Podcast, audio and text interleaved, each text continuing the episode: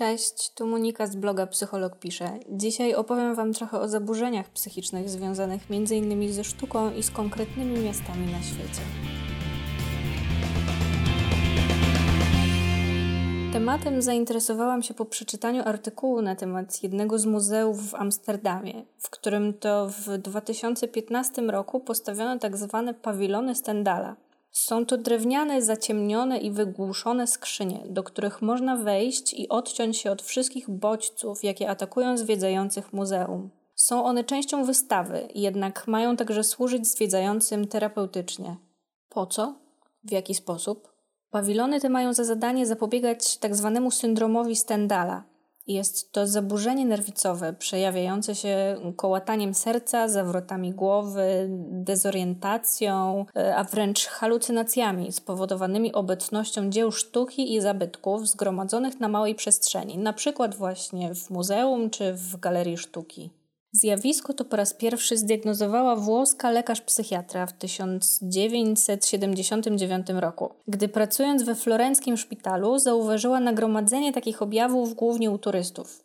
Nazwa syndromu wzięła się od opisanej przez francuskiego pisarza Stendala słabości, jak sam to nazywał, której doświadczył on po przyjeździe do Florencji właśnie i zwiedzaniu jej ta słabość objawiła się właśnie czymś takim u niego jak mocne bicie serca i wizje, a sam pisarz był zmuszony spędzić kilka dni w łóżku z gorączką.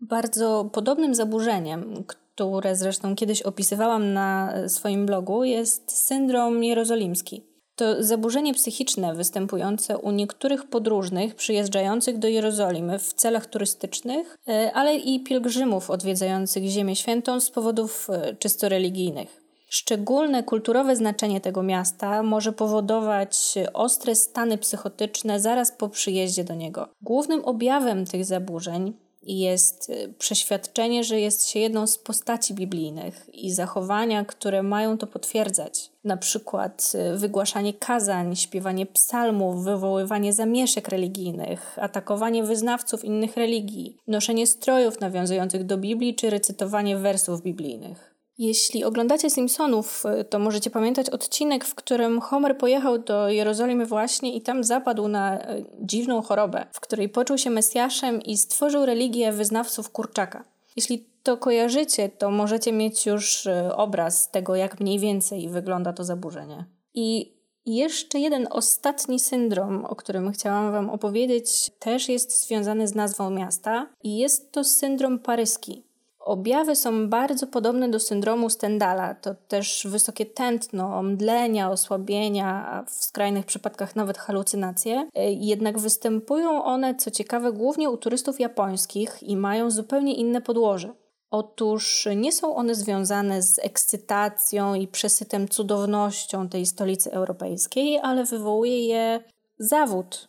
Po prostu zawód. Okazuje się, że miasto nie spełnia ich oczekiwań, a wymarzony czy znany z powieści i mediów obraz Paryża w bardzo znaczący sposób odbiega od zastanej rzeczywistości, co kończy się czasem wręcz załamaniem nerwowym. Jakkolwiek dziwnie, dziwacznie czy absurdalnie by to wszystko nie brzmiało, co przed chwilą powiedziałam, powyższe zaburzenia są bardzo prawdziwe. Na szczęście w większości przypadków e, wcale nie trzeba ich leczyć farmakologicznie. Czasami należy wprowadzić jakieś delikatne leki uspokajające, jednak e, należy to zrobić na samym początku leczenia, kiedy pacjenci są głównie zdenerwowani i robi się to przede wszystkim po to, żeby, żeby uspokoić, e, uspokoić ich tętno, oddech i żeby ich uspokoić przede wszystkim całościowo, tak?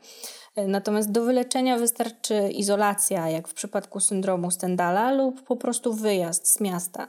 Po kilku dniach e, objawy całkowicie ustępują, jednak powrót do miasta grozi nawrotem zaburzenia, co trzeba mieć na uwadze, planując ewentualne powroty i planowanie kolejnych wycieczek krajoznawczych. Jeśli tematyka tego odcinka Was zainteresowała, macie jakieś dodatkowe pytania, przemyślenia, refleksje na ten temat, zachęcam Was do kontaktu ze mną. Zapraszam na bloga psychologpisze.pl. Tam w zakładce kontakt możecie napisać i podzielić się ze mną swoimi przemyśleniami. Zapraszam.